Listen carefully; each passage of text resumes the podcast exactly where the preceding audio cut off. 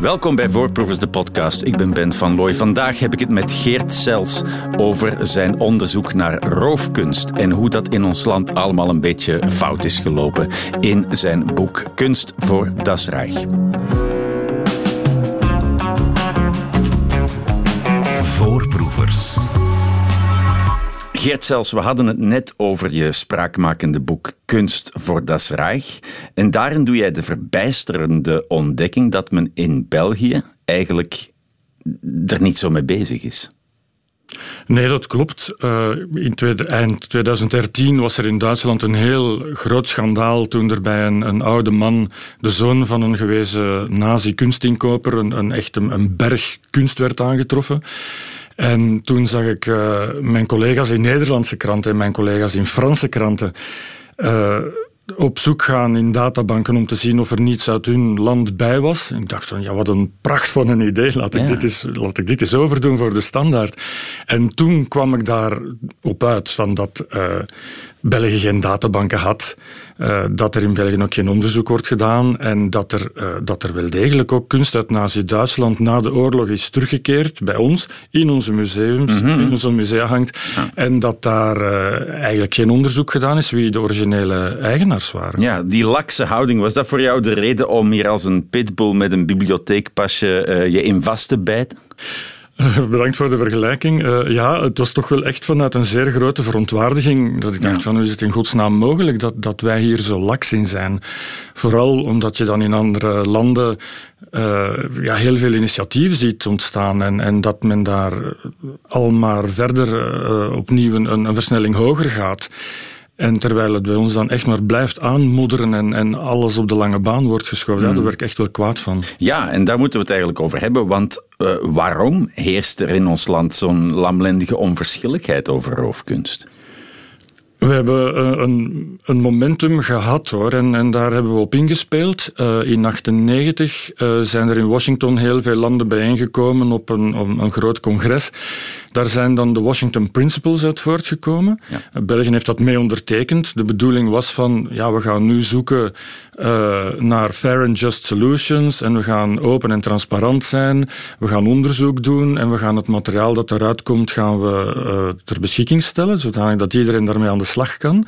En dan is er in de nasleep daarvan ook een, een commissie gekomen hier in België die daarop gewerkt heeft, mm -hmm. uh, waarvan bepaalde onderdelen, hè, want het ging over vastgoed, over juwelen, over, over waardepapieren en ook over kunst, hè, waarvan bepaalde onderdelen eigenlijk echt wel best goed onderzoek hebben gedaan.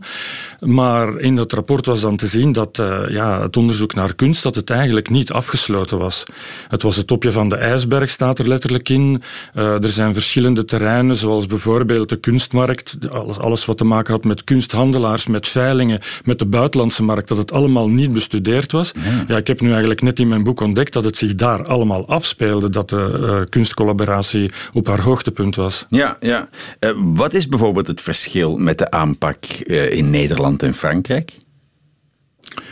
Het verschil is dat, uh, dat men daar uh, na die uh, conventie en, en, die Washington... Daar echt mee aan de slag gegaan is. Ja, dan, dan, dan zag je op, op, op het moment dat, dat wij eigenlijk ons onderzoek afsloten en, en het kistje voor, voor eens en voor goed hebben dichtgedaan... dat ja, maar dat moet toch ergens vandaan komen, die, die drang om te zeggen van we laten het allemaal maar zo. Ja, en misschien moet ik nog even kaderen waar dat onderzoek ook vandaan kwam. Hè? Want dat kaderde in een uh, hele grote oefening, een soort van compensatieoefening aan de Joodse gemeenschap. Ja. Hè? Dus mensen, uh, of de nabestaanden uiteraard, konden dan dossiers indienen en konden dan inderdaad een, een, een vraag om compensatie indienen. er zijn ook vergoedingen uitgekeerd. En ik denk dat de Belgische overheid toen moet gedacht hebben, oké... Okay, was het wel weer. Ja, voilà, dat, dat, dat is klaar. Hè? We, doen, we gaan die doos niet opnieuw open doen. Ja. Vermoed ik. Ja, in tegenstelling tot andere landen schrijf je ook, heeft België geen restitutiecommissie waar aanvragers zich spontaan kunnen gaan, gaan, gaan aanmelden.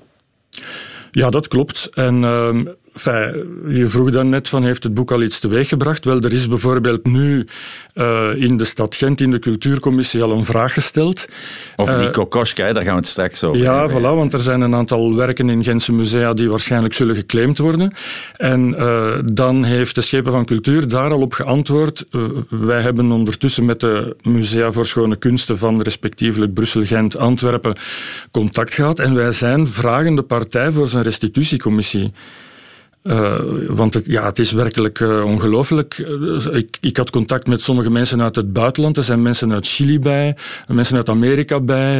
ja, ze wonen in alle hoeken van de wereld mm -hmm. natuurlijk. En die zeggen van, ja, we weten eigenlijk niet waar we naartoe moeten. En die komen dan aan een journalist vragen, wat, wat zouden we nu best doen? Ja, dat kan echt niet. Nee, en het is wel waanzin dat jouw boek wel verantwoordelijk is voor die grote stappen die ineens wel gezet worden. Kan ik me voorstellen. Ja, we gaan nog kijken hoe groot die stappen dan effectief zullen zijn ja. natuurlijk. Um, ja, het is zo dat bij de boekvoorstelling dat uh, staatssecretaris voor wetenschapsbeleid Thomas Dermin dat hij inderdaad toch al een aantal initiatieven heeft aangekondigd. Ja, nu weet ik niet of dat uh, sowieso al in de pijplijn zat of, of dat mm -hmm. dat dan met het boek te maken heeft, maar goed, uh, het Laten we zeggen van wel. Hè? Ja, ja. ja. Um, ja, uniek aan, aan die kunstverwerving vanuit België, de kunstverwerving van, van de naties, is dat ze vaak indirect verliep. Via een omweg langs Nederland, langs Frankrijk. En dat maakt, zoals je zegt, dat Belgische verhaal een heel internationaal verhaal. En daardoor misschien ook best moeilijk om, om, om, het, om het snel op te lossen. Ja, dat denk ik inderdaad wel. Uh, hoewel, hoewel er waarschijnlijk ook uh, intern in België zich een moeilijkheid voordoet, omdat je daar natuurlijk weer het spel hebt van dat er uh, ja, tal van regeringen en overheden bij betrokken zijn. Tuurlijk. Dus het is Vlaanderen, het is federaal, dat is één ding. Maar dan inderdaad, toen ik hoe langer, hoe meer zicht kreeg op die gigantische puzzel en, en, hoe die kunsttransfers verlopen waren dan zag ik dat dat eigenlijk, in tegenstelling tot andere landen, dat dat zich langs indirecte weg afspeelde. En uh, ja, dat heeft nog altijd gevolgen tot op de dag van vandaag. Want uh, daarnet geciteerde Monumentsmen, ja. die uh, kwamen na de oorlog met de toch wel een heel stringente regel aanzetten, die ook heel rigoureus werd opgevolgd, maar die eigenlijk voor België met zijn indirecte transfers eigenlijk heel nadelig was. Ah, ja. er, zat een, er zat echt een systeemfout in. Want de regel was, al de kunst die ze aantroffen in die meer dan duizend depots die ze daar in, in Duitsland vonden, ja, die moest terug. En uh, de afspraak was dan, alles gaat terug naar het land van waar het in Nazi-Duitsland is gekomen. Mm -hmm. Dus al die kunst die vanuit België naar Nederland was gegaan, ja, die werd gewoon terug naar Nederland gestuurd. En al die kunst die vanuit België naar Frankrijk was gegaan, die werd terug naar Frankrijk gestuurd. En in veel gevallen zit ze daar nog altijd. Ja, dat zei inderdaad, dat er in musea gewoon stukken hangen die, die in Brussel verhandeld waren. Want Brussel was op dat ogenblik, en België in het algemeen, uh, voor de oorlog een, een, een belangrijke plek veel mensen kwamen hier naartoe in de waan van oké, okay, daar zijn we veilig of daar kunnen we ons leven verder leiden. Ja, Brussel, Antwerpen, uh, Charleroi zelfs ook, Luik. Uh, en, en daar kwamen heel veel uh, mensen die op de vlucht waren uit, uit Nazi-Duitsland en dan ja, na 38, na de Anschluss, ook, ja. Oostenrijk, voilà. Die kwamen naar hier, die waren op de vlucht. Uh, het werd al maar moeilijker om uh, een visum te pakken te krijgen, want ja, België zat vol, kon die, kon die stroom eigenlijk amper nog de baas. En dan, uh, dan, dan kregen de ambassades in, in Wenen en Berlijn, die kregen echt richtlijnen van hey, jongens, hou, hou, nu maar op met die visa, het, het kan niet meer. Ja. Dus die maatregelen werden verscherpt en daardoor gingen ja, net heel veel van die Joodse vluchtelingen voor wie het water aan de lippen stond en die echt uh, vreesden voor hun leven.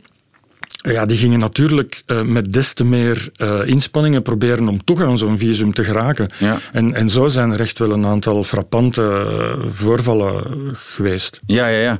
Zij voelden het aankomen natuurlijk in Duitsland, in Oostenrijk. en het, het, het, was ook niet te ontkennen dat er iets te gebeuren stond bij het opkomen van het nationaal socialisme.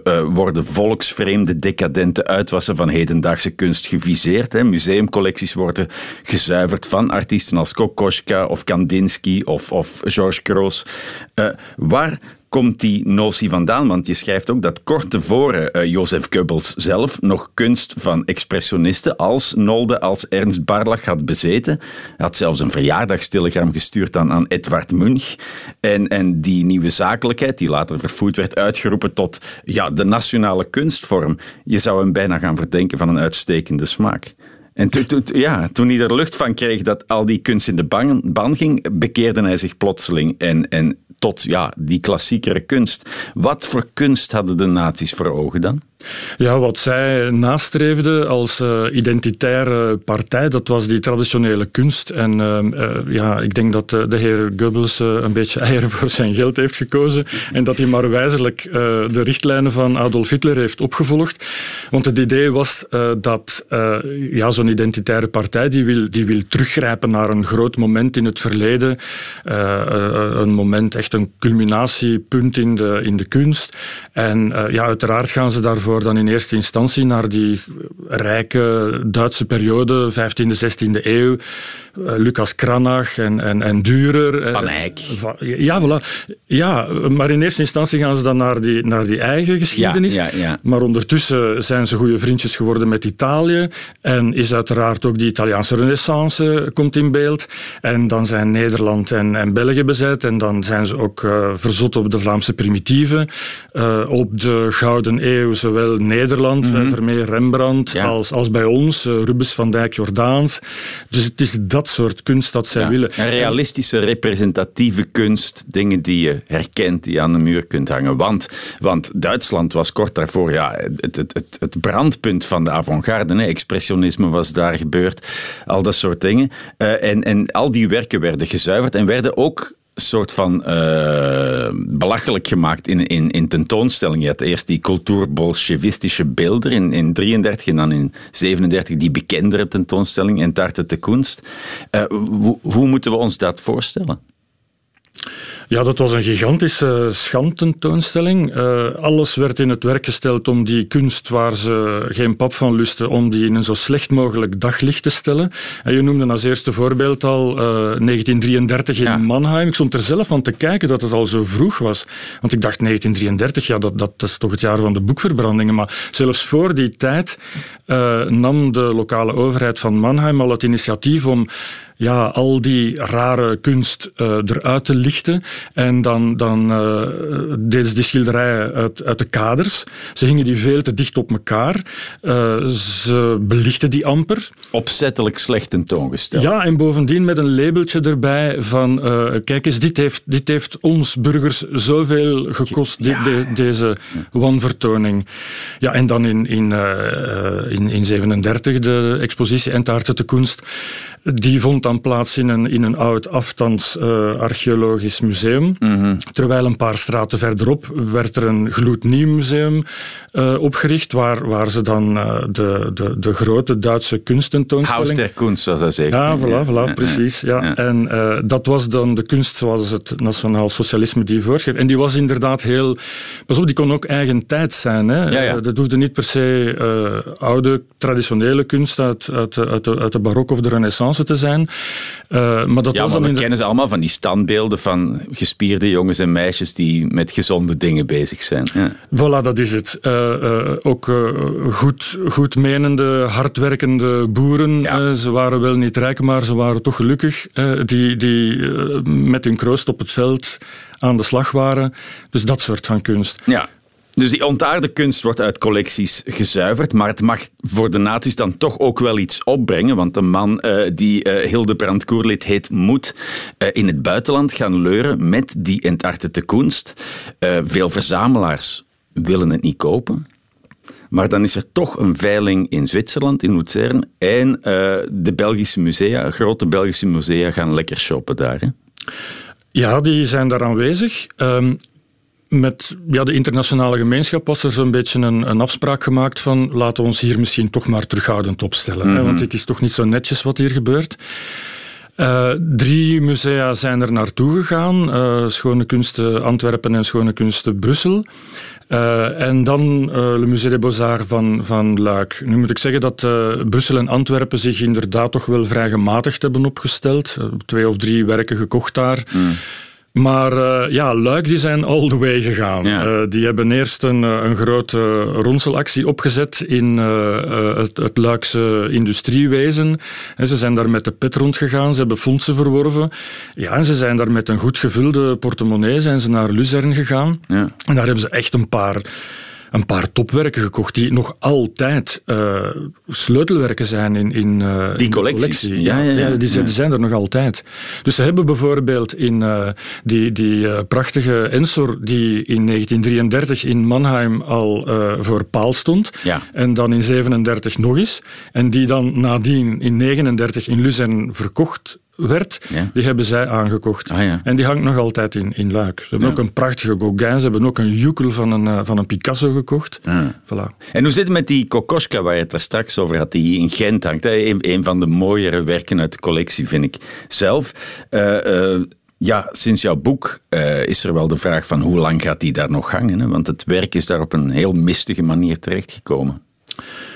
Wel, ja, nee, het is er eigenlijk op een, op een heel transparante manier terechtgekomen. Oh. Ja, want uh, ze hebben het eigenlijk na een tentoonstelling Europalia, waar ze het in bruikleen hadden, uh, hadden ze uh, net, net, zoals jij gemerkt van, dit is eigenlijk wel een knap werk. dit zou niet misstaan in onze collectie. En toen is het aangekocht bij, bij een Londense galerie en, en dat was echt een, ja, een verkoop werkelijk in, in, in goed vertrouwen. Mm.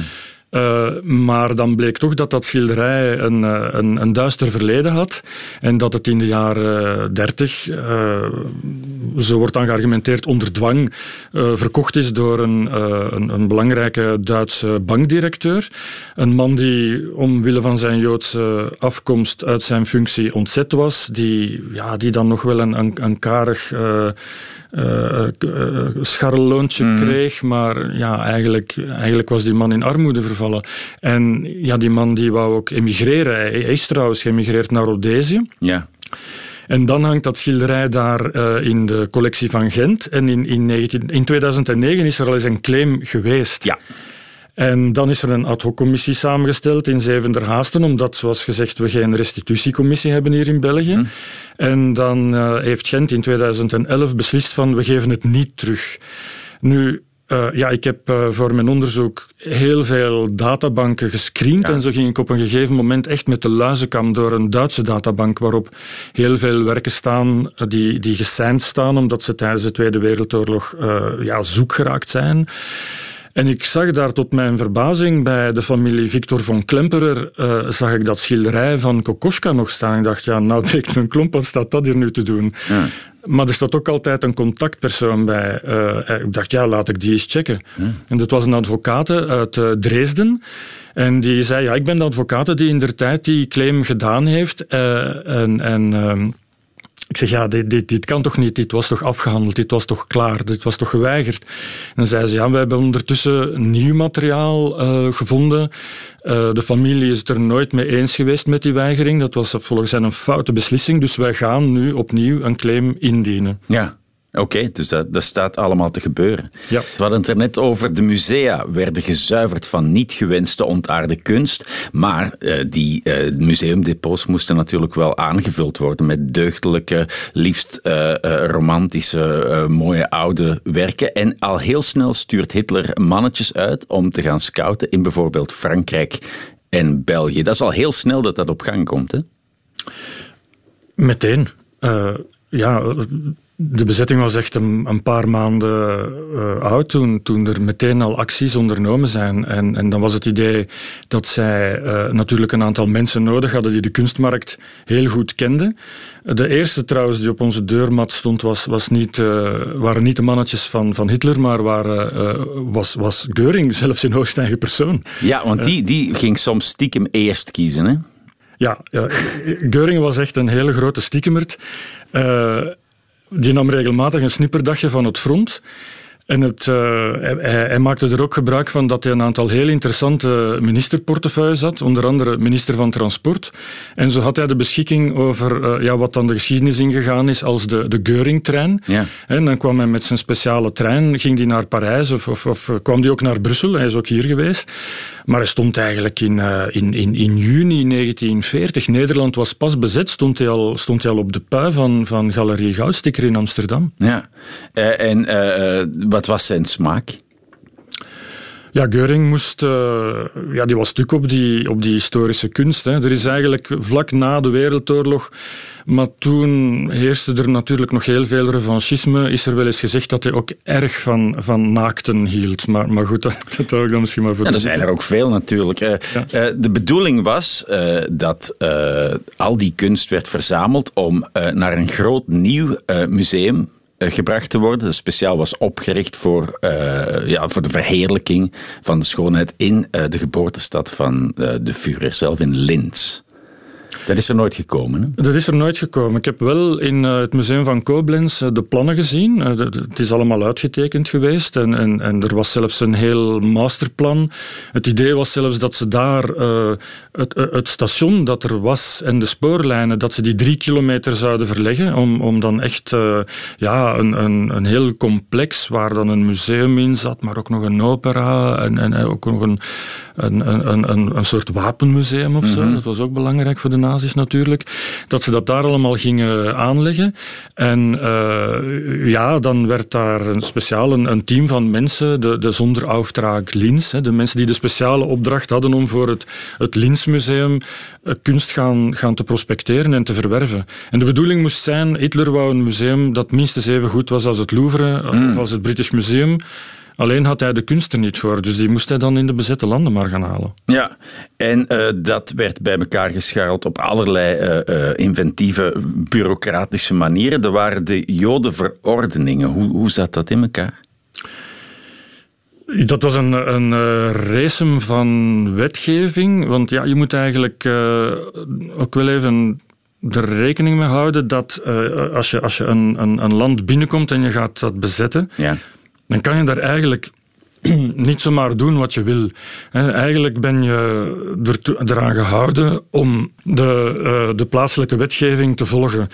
Op het, het, kompas dat er toen was, het meest recente dat er toen was van internationaal recht en, en, en uh, afspraken over oorlogsvoering, dat was de Conventie van Den Haag van 1907. Ja.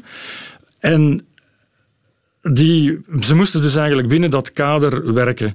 Maar ze zijn dan zo inventief geweest om met uh, de secretarissen-generaal van België, die de regering in ballingschap uh, vervingen, om daar de afspraak mee te maken. Kijk, als wij nu verordeningen decreteren, uh, dan willen we dat die ingeplucht worden op het bestaande wettelijk kader in België. Ja. En daar is mee ingestemd. Met als gevolg dat al die verordeningen kracht van wet krijgen. Ja, en dan kreeg je een race van die anti-Jodenverordeningen, waar, waar de mensen van de Joodse gemeenschap echt stap per stap uit de samenleving gedreven werden. Eerst mochten ze geen ambtenaar meer zijn, ze moesten zich laten registreren, ze mochten geen handel meer drijven. Ja, dus die mensen die, die hadden geen inkomen meer. Uh, en en uh, parallel daarmee had je ook nog een hele race uh, verordeningen over vijandelijk vermogen. Ja, inderdaad. Ja, en, en dat kon je ook op heel veel mensen toepassen. Zeker, want uh, dat uh, was zelfs van toepassing op, op niet-Joodse mensen. Want een van die regels was bijvoorbeeld dat je een vijand was. Als je nu het land verliet, hè, je, je ging weg uit België. Maar je kwam terecht in een land dat in oorlog was met Duitsland. Engeland bijvoorbeeld. Ja, ja voilà, Engeland. En, en later uh, in de oorlog, toen, toen de Verenigde Staten er ook in stapten, dan al die mensen die in de Verenigde Staten terechtgekomen waren, die waren op dat moment allemaal vijanden. Dus hun, hun, hun bankrekeningen die nog hier waren, uh, ja, die, die konden zij dan blokkeren. Ja, en mensen konden uh, ook gewoon hun appartement binnenlopen en, en alle, alle fraais inpakken en meenemen. Ja.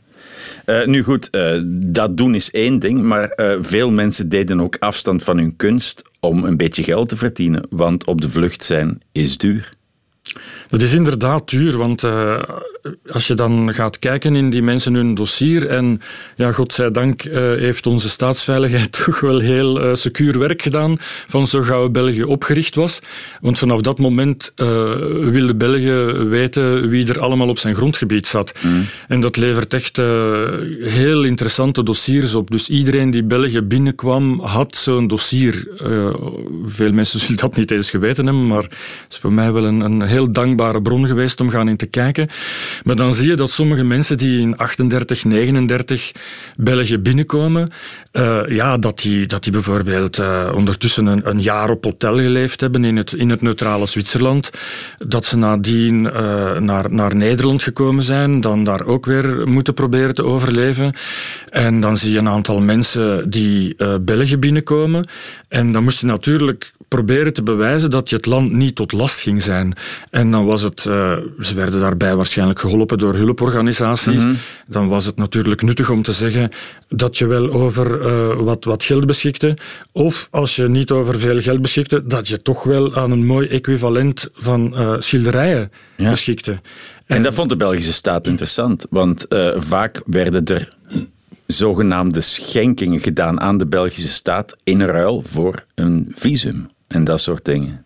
Ja, er is een heel frappant voorbeeld van, maar dat is al gebeurd in, in Berlijn bijvoorbeeld, waar een, een bepaalde familie, de familie Zegal, dacht van, ach ja, eh, het loopt hier wel los.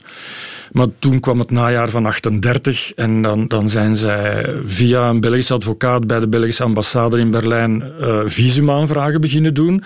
Toen kwam Kristalnacht met, met de Jodenpogroms en toen waren ze helemaal uh, doodsbenauwd. Ja.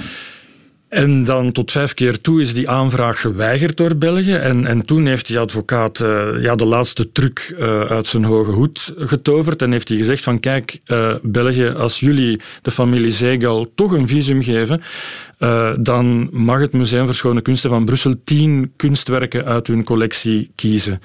Dus ja, een echte schenking kan je dat moeilijk noemen. Met de rug tegen de muur. Met de rug tegen de muur, voilà. En, en ja, bovendien is het ook een, een uh, buitenproportioneel duur visum geworden ja, op die manier. Maar dat is eigenlijk toch waanzin dat een museum dan zegt van ah ja, dat is zo'n mooie werken, toch eens gaan kijken.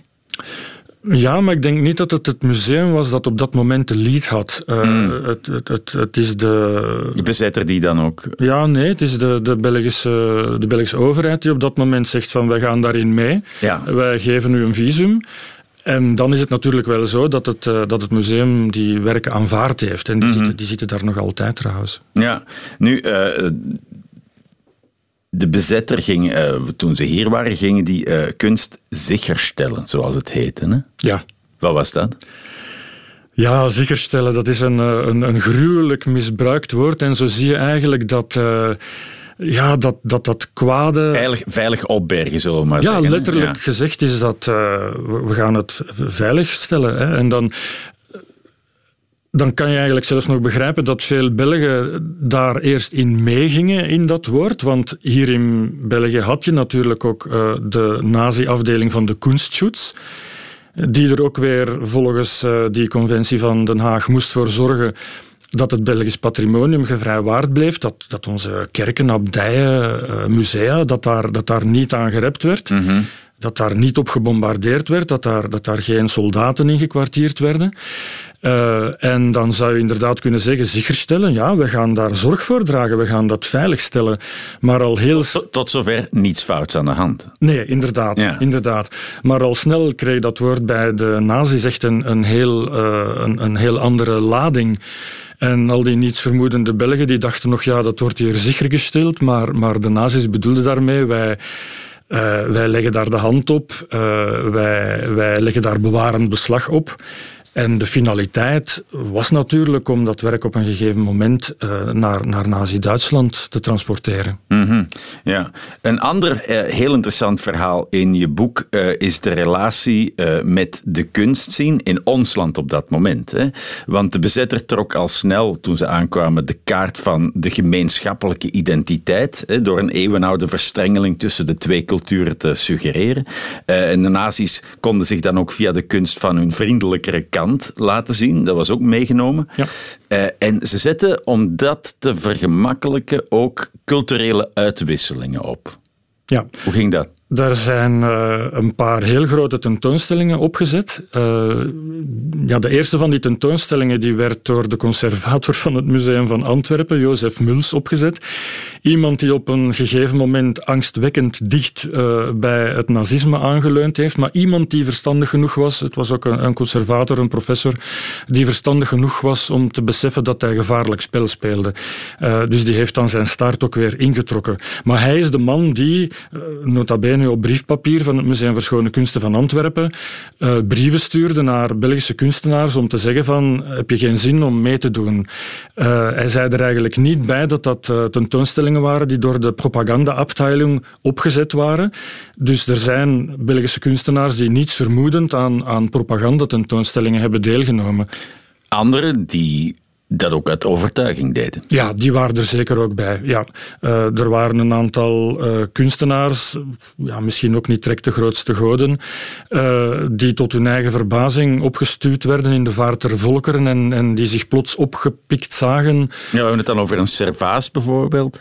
Ja, dat is dan nog niet eens de slechtste natuurlijk. Nee. Maar, maar Servaas was inderdaad wel uh, ja, totaal verkeerd. Uh, hij, is, hij, is, na de oorlog ook uh, decennia lang... heeft hij zich niet meer vertoond of ja. mogen vertonen. Er zijn inderdaad in foto's van, van Vlaamse kunstenaars die uh, met de tourbus naar Duitsland werden gebracht en, en, en daar dan uh, gefeteerd werden. Uh, ontmoeten ja. ook Goebbels bijvoorbeeld ja. op de opening. Ja, dat zijn, dat zijn ongelooflijke beelden. Ja, uh, dat, dat, er zijn eigenlijk ook een soort van studiereizen door, doorheen Duitsland die dan ondernomen werden. En die werden dan afgerond. Ja, de grote apotheose was dan uh, Berlijn hè, en de ontmoeting met, met Goebbels. En dan die andere tentoonstellingen, die, ja, die gingen dan van, van stad tot stad. Er zijn zo drie van die grote tentoonstellingen geweest. Um, na verloop van tijd werden die opgezet door uh, D-vlag, zoals dat heet. Dat was een, een, culturele vereniging die echt heel close was met, uh, met de nazi's en die, die een culturele toenadering tot stand wou brengen. En uh, ja, hoe langer hoe meer zaten daar belangrijke kunstenaars in. En dan zat daar werk in van Rick Wouter. Zat, uh, Ensor ook? Heel veel Ensor. Ja, ja dat, ja. Was, dat was de kampioen. Ensor was de kampioen, ja. En dan uh, Jacob Smits, waarvan wij nu zo'n beetje denken dat dat een, een Kempense heimatschilder is. Maar die was op dat moment zeer en vogue. Die had vlak voor de oorlog had hij een, een, een, een heel grote overzichtstentoonstelling gekregen in San Francisco. Dus we we kunnen ons dat nu amper voorstellen. Maar die was daar ook met, met ontzettend veel werk vertegenwoordigd. Ja, ja. Uh, nu, die uh, kunstenaars die daar dan uh, uit overtuiging aan meededen, werden er na de oorlog door hun collega's wel op afgerekend. Hè? Ja, want er is een, een zuiveringscommissie gekomen. Ja, en dat was een soort van ja, een mini-tribunaal, kun je zeggen. En dan had eigenlijk de organisatie van de kunstenaars had een, een heel groot zelfreinigend vermogen. Dus ze hebben die oefening echt wel gemaakt. En dan zijn er ook heel veel mensen, die, kunstenaars bedoel ik dan, die, die toch wel erg dicht bij de nazi's aanleunden. Uh, die dan echt uh, blamen gekregen hebben of, of sancties gekregen mm -hmm. hebben. Uh, dat is inderdaad gebeurd. Iets soortgelijks moet er waarschijnlijk ook geweest zijn bij, in de schoot van de kunsthandelaars. Ja. Waarvan er een paar bij zijn die het ook wel erg bruin gebakken hebben. Bruin is een goed gekozen woord, vind ik. En, uh, maar daar heb ik nergens iets kunnen van terugvinden. Oh ja. Ik heb ook bij de organisatie van de kunsthandelaars, die er hier nog altijd bestaat in de Zavel, dus die zijn in hun archief gedoken, maar ik denk dat ze dat ze daar nog zelfreinigender geweest zijn en dat alle sporen verdwenen zijn. Alles is weg. Hmm. Wat mij ook opviel, je schrijft dat het echt feest was in de kunst, maar tijdens de oorlog. Dat vond ik heel verrassend, want, want ja, normaal stijgen de prijzen door de zeldzaamheid der dingen, door schaarste eigenlijk. Uh, maar niet hier. Hier kwam er ineens van alles vrij. En dat zorgde voor een, ja, een feeststemming. Ja, dat heeft me ook zeer verbaasd, want ik, ik heb van mijn grootouders altijd die verhalen gehoord van de oorlog en de schaarste en de honger en, ja. en, en dat, er, dat er voortdurend gebrek was aan van alles, uh, dat er armoede was. En dan tot mijn heel grote verbazing uh, heeft die kunstmarkt, ja, die heeft gouden tijden beleefd. Er waren een aantal factoren voor natuurlijk. Uh, ja, ten eerste had je, want we hebben tot nu toe veel gesproken over kunst die geroofd werd, maar er is ook mm -hmm. tegen ontzettend grote bedragen kunst gekocht. En dan had je bijvoorbeeld uh, die, die Duitse musea die al hun entartete kunst verloren hadden, maar die bij wijze van compensatie uh, heel grote budgetten kregen om in de bezette gebieden gaan te shoppen. Ah, ja. waar, waar de voorwaarden echt heel gunstig waren voor hen.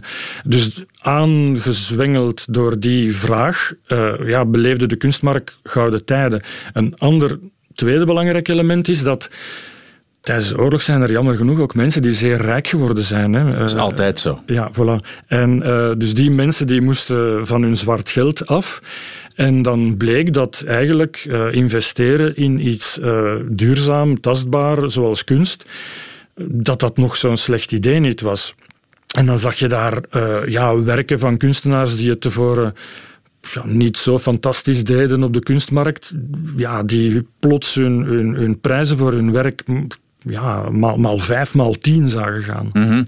Wat ik heel leuk vond, het is totaal niet belangrijk voor dit verhaal, maar je schrijft wel dat er ook heel veel geproduceerd werd en dat ook bijvoorbeeld uh, mensen die wij enorm respecteren uh, zich gingen toeleggen op het kopiëren van grote meesters. Ik denk aan een Magritte die een aardig centje heeft verdiend met, wat was het, Picasso's naschilderen en ja, dat wist ik niet.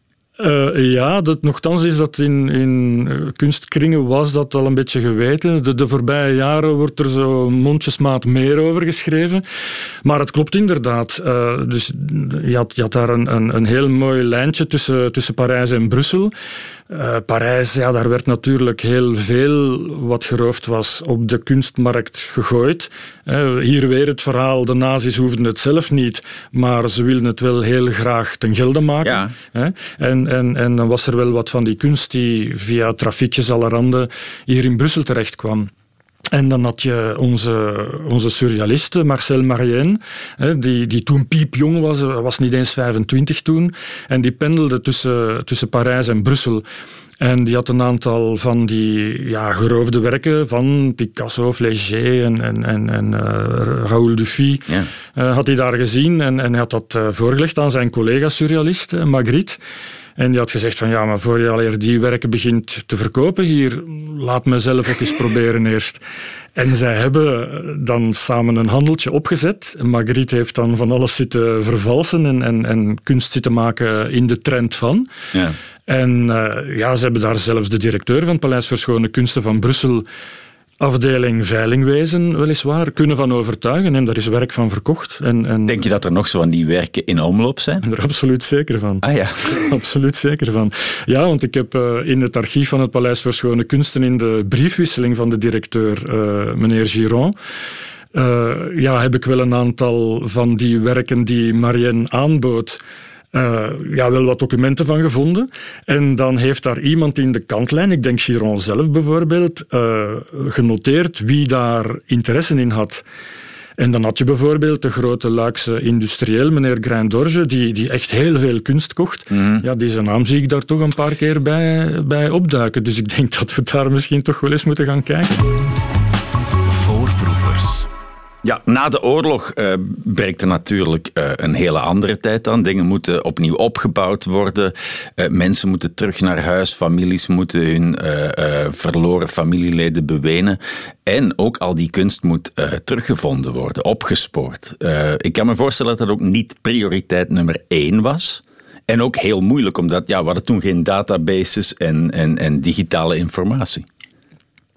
Dat was inderdaad een heel uh, helse klus. Uh, ja, zoals je aangeeft, het was geen prioriteit.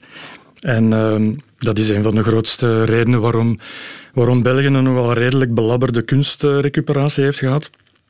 Maar er waren nog een paar andere, ja, misschien toch wel eerder onfrisse redenen voor.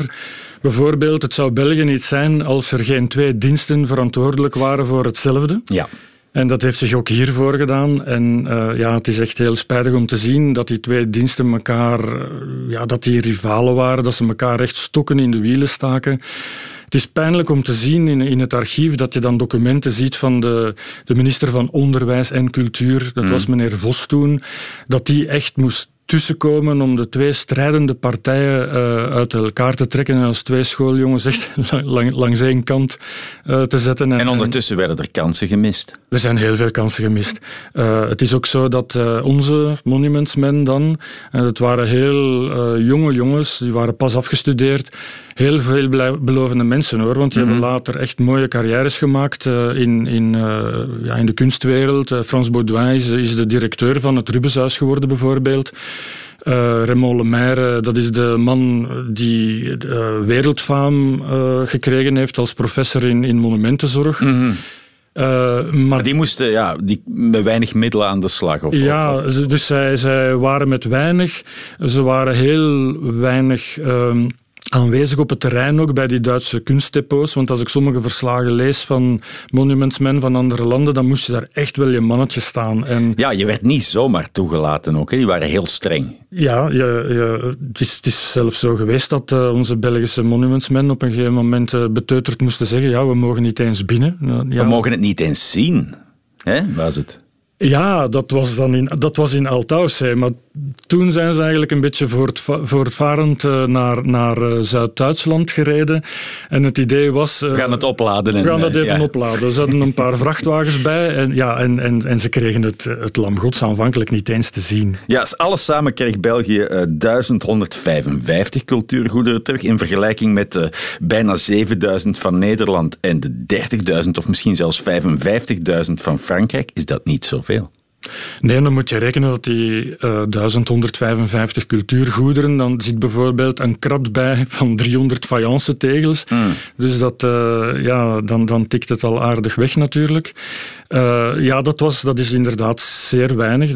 Het is een heel spijtige campagne die we daar gevoerd hebben. Ja, uh, nu ik vond de, grondigheid van uh, je onderzoek heel indrukwekkend. Er staan enorm gedetailleerde lijsten met verdwenen, soms teruggevonden werken in. De, die die ja, data die deden me echt duizelen. Dat moet een enorm werk geweest zijn. Dat is inderdaad zo, want jammer genoeg uh, bestaat er gruwelijk veel archiefmateriaal en, en tot overmaat van ramp is dat dan ook nog eens gigantisch versnipperd geraakt. Maar als onderzoeker is het dan natuurlijk ook fantastisch als die puzzelstukken in elkaar klikken. Uh, zo is er bijvoorbeeld, uh, uh, was er van een Joodse kunsthandelaar uit Antwerpen wel geweten dat zijn, zijn kunstbibliotheek gestolen was. Dat wisten we op basis van Belgisch archiefmateriaal. Mhm. Maar ja, toen ik in Parijs in, in een van de drie archieven die ik daar doorploegd heb, plots een, een dossier van diezelfde man vond en dan zag dat ze eigenlijk ook zijn schilderijen uh, gesteld hebben en, en, en geliquideerd hebben. Ja, dan, uh, ja, dan was het wel even feest, moet ik zeggen. Ja, wat was voor jou het mooiste verhaal? Dat je denkt van daar, is, is dat dan een verhaal met een happy end? Of is dat een verhaal waar je bijvoorbeeld hè, die, die twee werken van Jordaans in, in, in een Praags museum uh, aantreft? Van, van, van, is dat dan een moment van yes? Ja, die Jordaanse. Ja, dat is dan prettig dat je dat ziet. Maar dan het, eh, het voorbeeld van uh, die galerie Samuel Hartveld, waar ik het net over had, ja, dat was onderzoeksmatig dan het, uh, het mooiste voorbeeld. Maar waar ik eigenlijk het meest door geraakt geweest ben, dat is het, het verhaal van een Joodse kunsthandelaar, Leon Cijfers uit Brussel.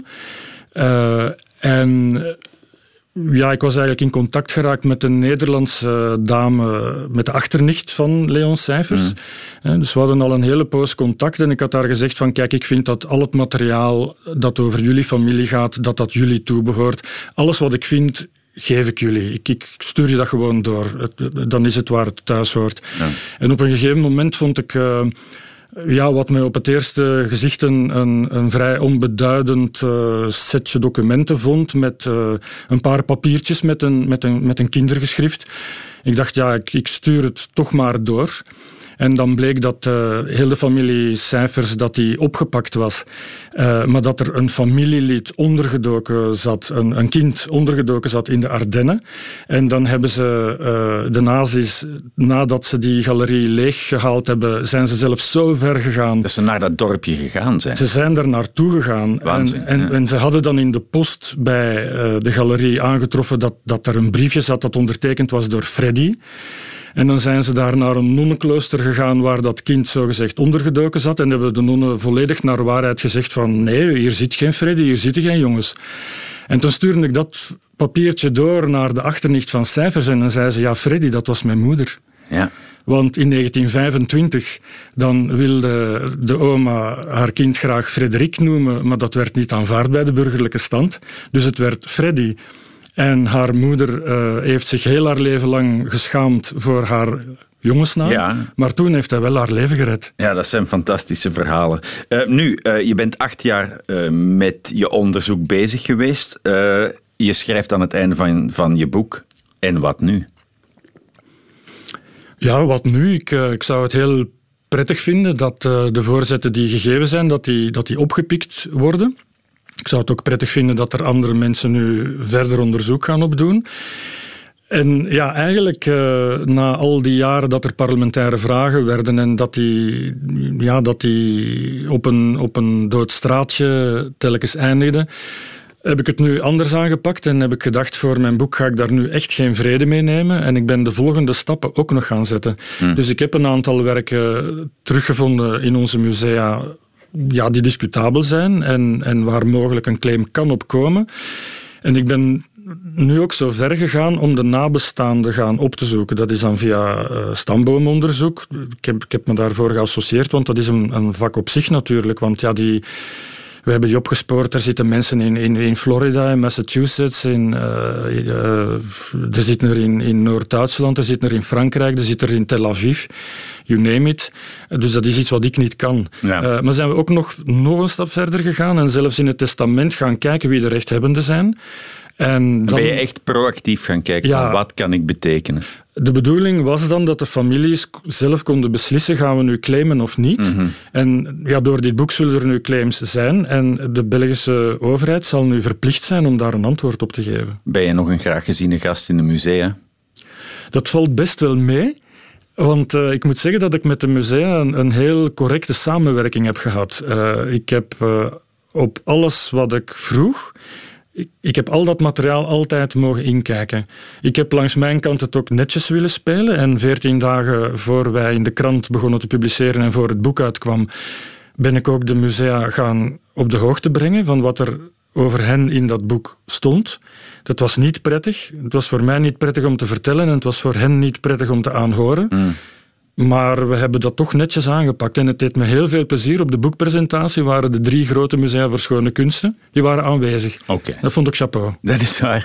Uh, Oké, ik ben benieuwd wat de toekomst uh, voor jou brengt. In ieder geval uh, zijn we allemaal op het spoor gezet van die roofkunst. En kunnen we allemaal lekker mee gaan snuffelen binnen de pagina's van jouw vuistdikke kopstoot kunst voor Das Reich. Geert Zelfs, dank je wel. Heel veel dank voor de interesse. Dit was Voorproevers met Geert Zels over roofkunst. Voorproevers.